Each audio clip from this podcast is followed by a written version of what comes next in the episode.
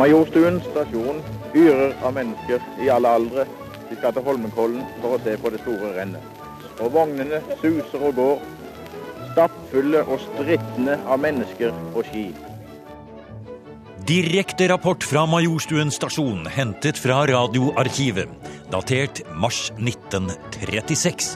Pluss Holmenkollmarsjen, slik den skulle låte den gang. Her spilt av NRKs salongorkester, direkte fra Theatercaféen.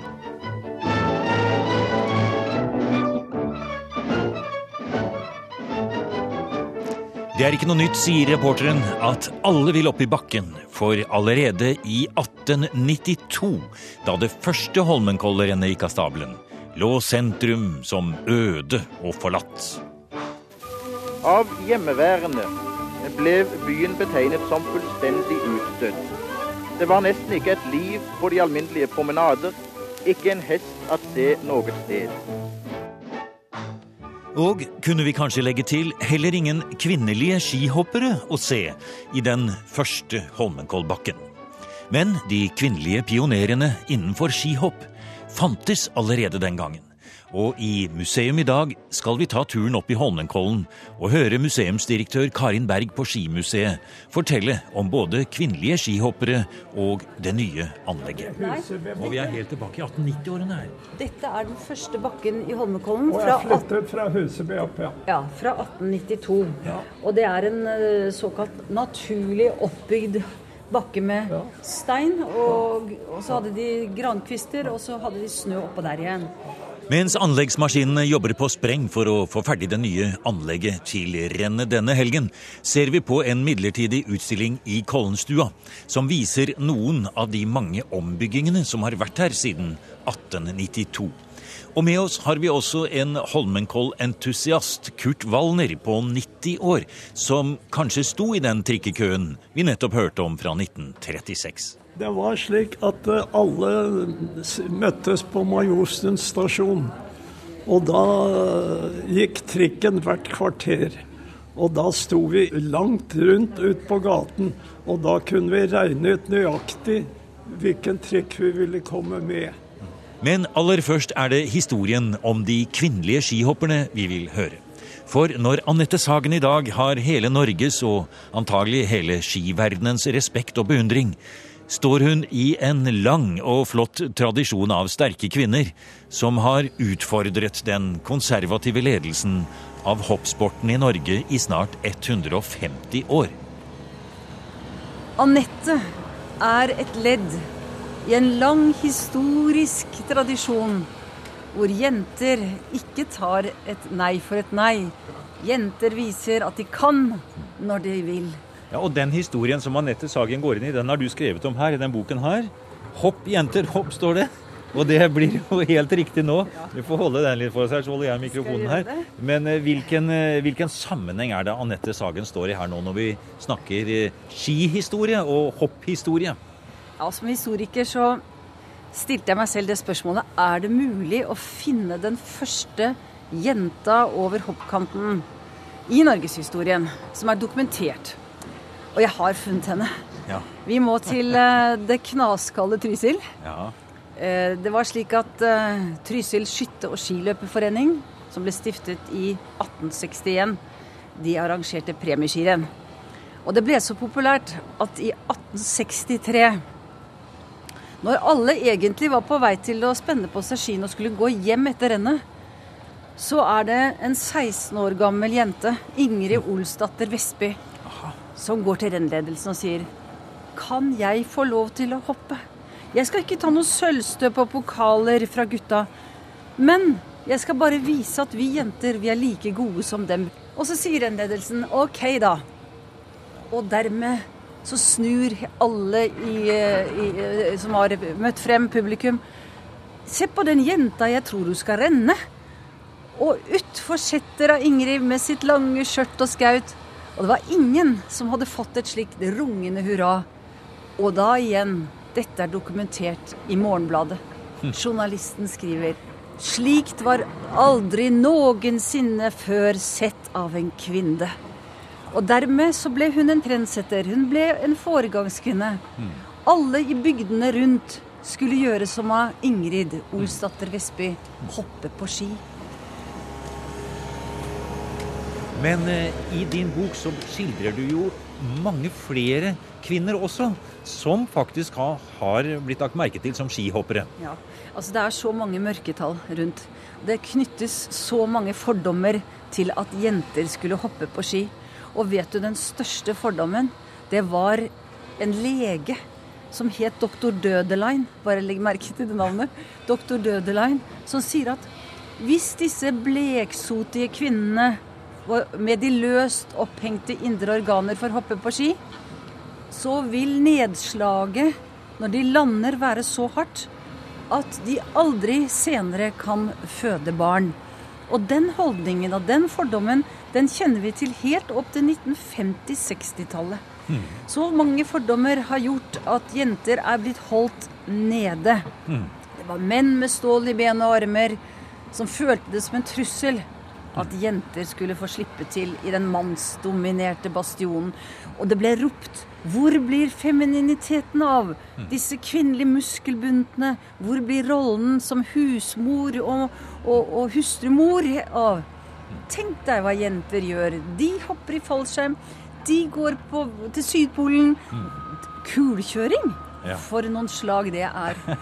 Så nå sprenger Anette og de andre jentene de sprenger disse fordommene.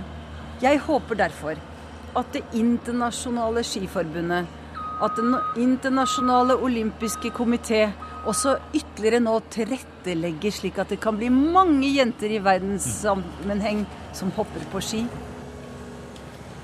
Men hvordan er det, Wolner, du har sett her i Holmenkollen eh, en av de kjente kvinnelige hopperne.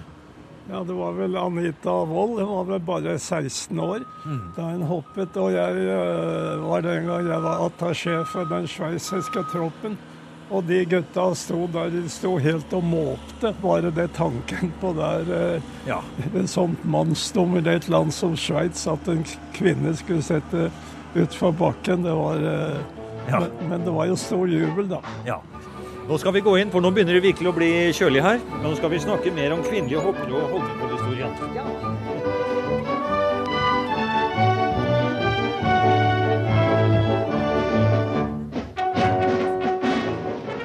Anita Wold var den første kvinne som hoppet i Holmenkollbakken. Det skjedde i 1974, da hun åpnet rennet. Året etter gjorde hun stor suksess i Sapporo med et hopp på 97,5 meter i OL-bakken. Da hun kom hjem, ble den 18 år gamle skistjernen intervjuet av Andreas Lundan i Nitimen. Hvordan føles det å ha sånn voldsomt til fart når du skal ut i atmosfæren? Nei, Det er jo å sitte rolig og samle føttene og konsentrere seg om å sitte rolig, ellers så går det galt. Ja, går galt? Hvordan, hvordan går det galt? Løypa er jo såpass eh, glatt og det at du må bare sitte rolig, så blir du vridd oppi så at du kommer ut gale veien. Du er ikke redd for å gjøre det? Nei, det er å slappe av, så går det alt fint. Var du veldig nervøs da du sto på toppen i Olympiabakken i Sapporo? Nei. Jeg var I førstninga, så når vi kom ned, så blir det sånn at en får litt respekt for bakken og en føler seg underdanig. Men etter hvert som jeg hadde en to-tre hopp, da, så liksom at du blir mer vant og setter deg godt til rette, altså, så går det helt fint. Går det an å spørre 18-årige Anita Wold hvorfor hopper du på ski? Nei, Jeg holdt på siden jeg var lita. Jeg syns det er veldig artig. altså. Liksom Den fine følelsen du har når du er i lufta. Du har kontroll over det over hele kroppen. Da. Du er nokså alene på spinnesiden. Hvorfor hopper ikke flere jenter på ski? Nei, jeg vet ikke. Det er vanskelig å si det. Men de må fra de er små, så må de liksom komme inn i miljøet. At de er ute på ski og hopper litt. Og, og så gjelder det om de fortsetter. Det er jo kanskje det at jenter er litt mer for høyde enn gutter. For eh, det er mange som begynner, men når jeg blir tolv år, så slutter jeg, for da blir det øking i bakkestørrelse. Så det er vel det som har mye å si. Er det farlig? Nei, det ser mye verre ut enn hva det er. Det, det en hopper gjør i lufta, og det sprellene han får til, det, det er automatisk alt. Uten at han tenker hva han gjør, så får han til å få kontroll over kroppen igjen. Så en fotball føler ikke likedan som en tilskuer. Det skulle ikke bli Anita Wold som først rundet 100 meter blant de kvinnelige skihopperne. Det ble Merete Christiansen, som også satte verdensrekord på 111 meter i Oddnesbakken i 1989. I dag er det et stort internasjonalt miljø og egne offisielle konkurranser for kvinner. Men går vi bakover i skihistorien, til tiden før Anita Wold, finner vi navn som Annelise Hekseberg på 1950-tallet. Men vi må til 1930-årene for å finne norsk kvinnehopps første gullalder. Da var det navn som Ella Gulbrandsen fra Åmot, søstrene Nora og Torborg Strømstad, og Nora Gjertrud Olsen som det ble lagt merke til. Men først og fremst, sier skihistoriker Karin Berg, er det Hilda Braskerud og Johanne Kolstad som fra slutten av 1920-tallet og inn på 1930-tallet virkelig setter kvinnelig skihopp på verdenskartet. Det var slik at uh, disse to jentene fra Nordre Land Jinten, som du kalte Jinten fra Dokka. Ja. Johanne Kolstad og Hilda Braskerud. De ble da sammen med Nordre Land idrettslag invitert til Midtstubakken. Lyn skulle arrangere eh, jubileumsrenn, og de får lov til å sette utfor. Og de hoppet godt over 40 meter begge to. Eh, og derfor ble de også kalt for 40-meterjentene. Det ble et folkekrav, og det ble store oppslag i aviser. Når får vi se jentene hoppe i selveste Holmenkollbakken? Fikk aldri. Nei, fikk aldri. Og da var det Skiforeningens daværende formann, major Finn Kvale, sier at nei, lar vi jentene få hoppe her i Holmenkollbakken, så vil folk tro at bakken er mindre enn det den er. Bakkens betydning forringes. Vi vil ikke ha noe sirkus her, og vi vil i hvert fall ikke bære kvinnelik ut av bakken. Såpass, ja. ja. For Holmenkollen skulle være noe meget spesielt. Det var, skulle være så spesielt at Norges Skiforbund eh, nektet å være med på skiolympiade til å begynne med, for de sa vi har jo Holmenkollen.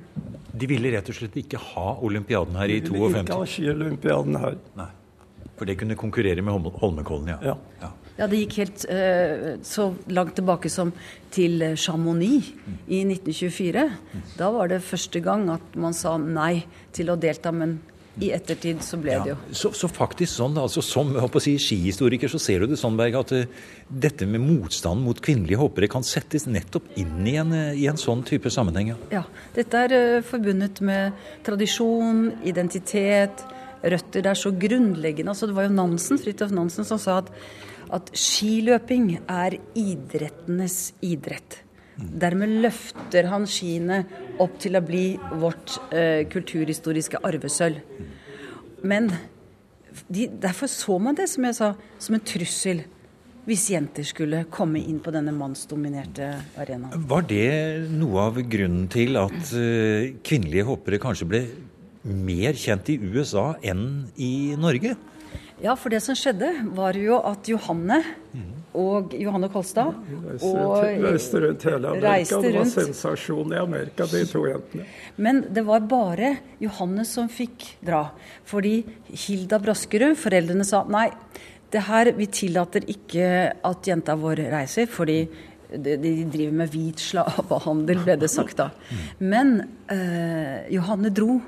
Og hun fikk en norsk manager fra Dokka, Carl Tomlevold, mm. som passet eh, godt på henne og tilrettela fra fantastiske eh, eh, arrangementer fra kyst til kyst. det var showrenn på en måte, dette? Det, var, altså, det vi må huske på, som vi ikke har fått uh, sagt ennå, det er at alle disse jentene, de uh, var prøvehoppere og pauseunderholdere. Mm. Det var deres funksjon. Så de fikk erindringspremier og alt dette her, men de fikk aldri delta, delta i, klassene, i egne klasser. Ja. Men hun satte utrolig spor etter seg borte i Amerika. Og kanskje, jeg fikk en telefon her forleden dag, kanskje er man i ferd med å lage en film om Johanne Kolstad. Vi har en helt spesiell gjest i sendingen i kveld. Hun heter Johanne Kolstad. Hun har også hoppet på ski På museums podkastsider forteller Karin Berg mer om Johanne Kolstad. Og på Digitalt fortalt, ABMUs internettsider, er det også mange fine bilder og historie knyttet til denne skipioneren. I NRKs arkiv er det få spor etter Johanne Kolstad. Men her er et sjeldent intervju fra Dagsrevyen i 1982, hvor Tom Berntsen intervjuer den da 69 år gamle Johanne Kolstad. Hvordan eh, kom du egentlig til USA? Hvordan, eh, hvordan begynte det der? Og det begynte på den måten at det var en, en fra Tomlevoll som hadde vært i Amerika i mange år. Så kom han hjem, og så var det han som ordna det. Så han var med over til Amerika. Og, så Solsen kom jo dit. Og så var det Norges Skiforbund som betalte for meg, så jeg fikk penger. Men så var jeg så heldig at jeg fikk reise gratis med den norske amerikalinjen. Og det gjorde jeg tre ganger over til Amerika. Var du lenge der hver gang, eller? Jeg var der i ca. 18 måneder. 18 måneder hver gang? Ja. Og da hoppa du hele tiden? Ja, hoppa jeg hele tiden om vinteren. Og, og ellers, når du ikke hoppa, hva drev du med da? Nei, da var ikke så mye å gjøre, men jeg begynte på et tannlegekontor her, og så jobba jeg der. Så du kunne ikke leve av hoppinga di, altså? Nei, jeg kunne ikke leve av den. Du ble jo tatt imot på en litt spesiell måte i USA, så vidt jeg vet? Ja, det var første gangen jeg kom dit. Da ble jeg mottatt til Waldorf Astoria. Det var verdens største hotell. Og da kom de i sin egen bil og henta meg på, på kaia. Men det var stas? Det var stas, ja. Du hoppa jo ikke bare alene, holdt jeg på å si, i USA. Du hoppa jo sammen med flere, flere på en gang. Hva var egentlig det? Jo, vi hoppa der i Madison Square Garden. Da hoppa vi trippelhopp. Det var en Tam Murstad og sånn han og sånn Sverre Kolterud fra Nordre Land. Men det fortsatte du, fortsatte du med også her hjemme, det sammen med Ja, da hoppa jeg sammen med Nusse Braskerud. Og hoppa dobbelthopp med hender. Hvor hadde dere lært dette henne? Nei, det var vi hadde taket til oss sjølve. Så, da, så det gikk så fint, så. Mm -hmm. Var det langt dere hoppa da, eller? Og nei, Vi hoppet kanskje noen og 30 meter. Fra Johanne Kolstad i arkivopptak fra 1982 er vi tilbake i Kollenstua, hvor museumsdirektør Karin Berg på Skimuseet forteller om hvor vanlig det har vært med ombygginger av Holmenkollbakken opp gjennom tidene.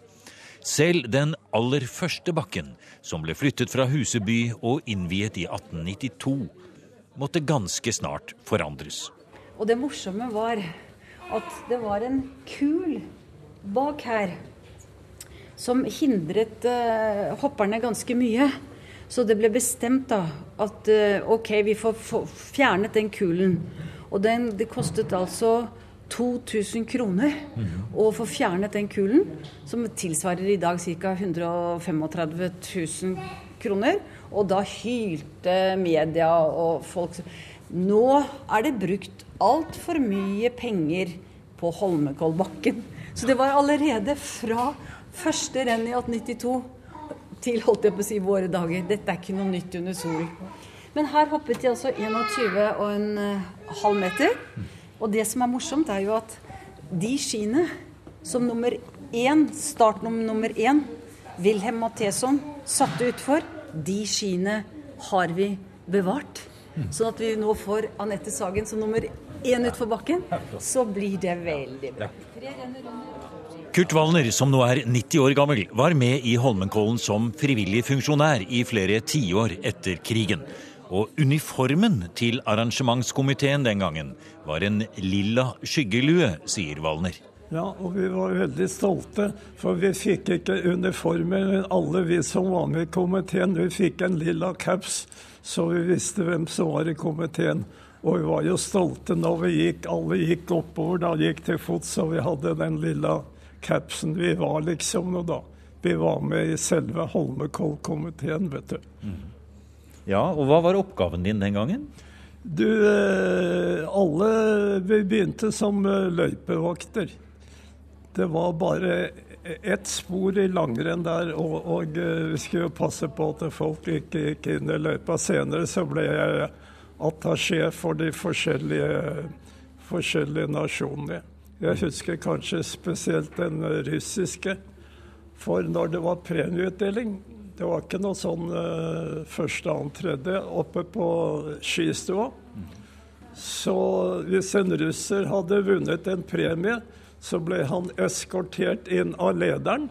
Og samme øyeblikk han hadde fått premien, så forlot de der. Han, de fikk ikke lov til å menge seg med mengden.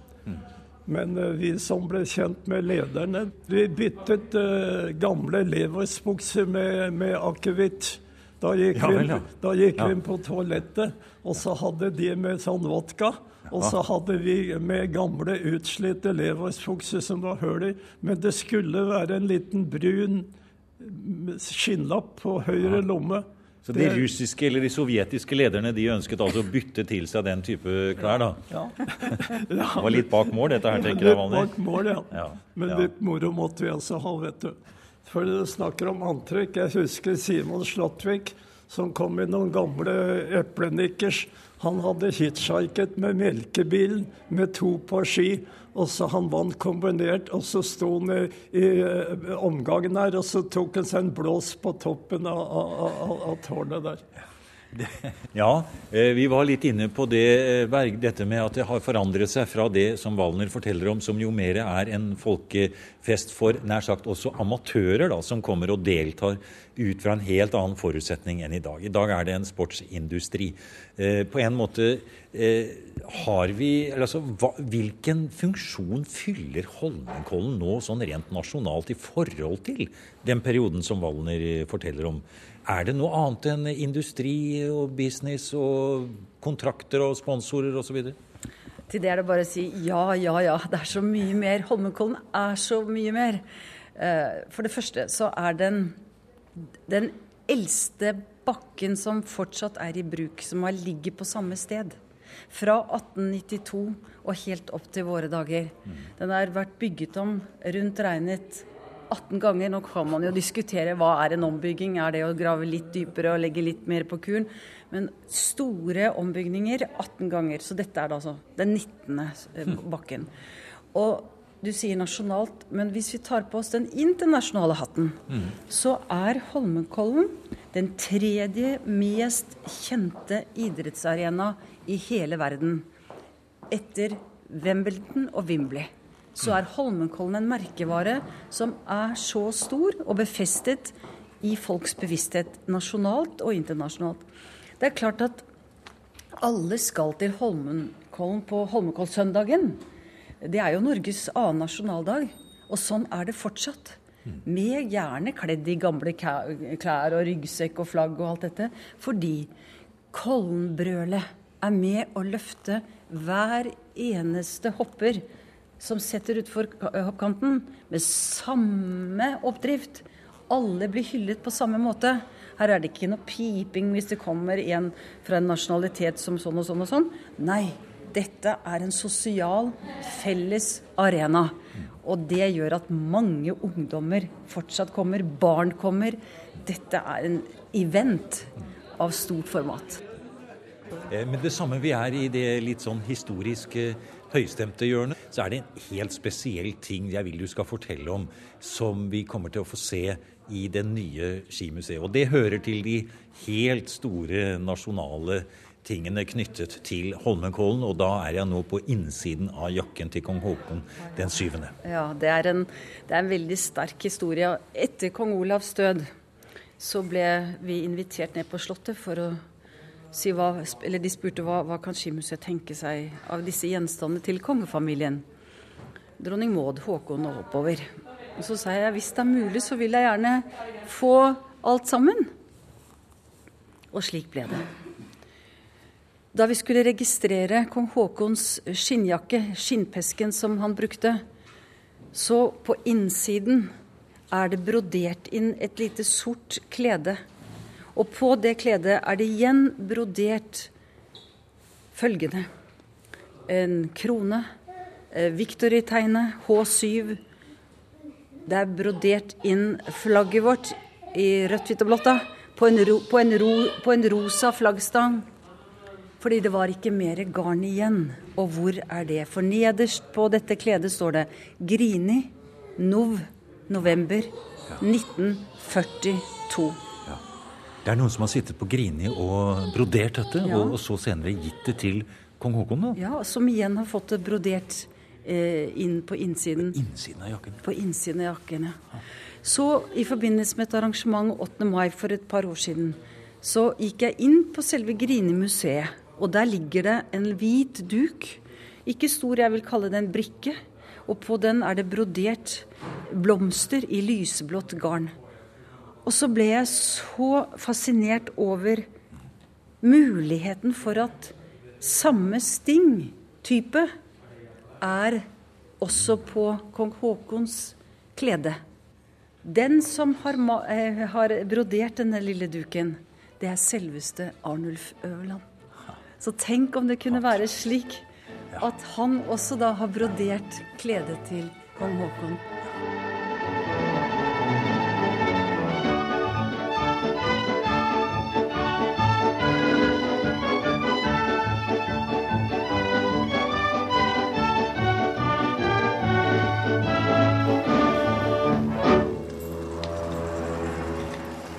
Du har nå hørt programmet Museum som podkast fra NRK. Museum sendes i NRK P2 på lørdager og søndager. Du finner flere programmer på nrk.no podkast.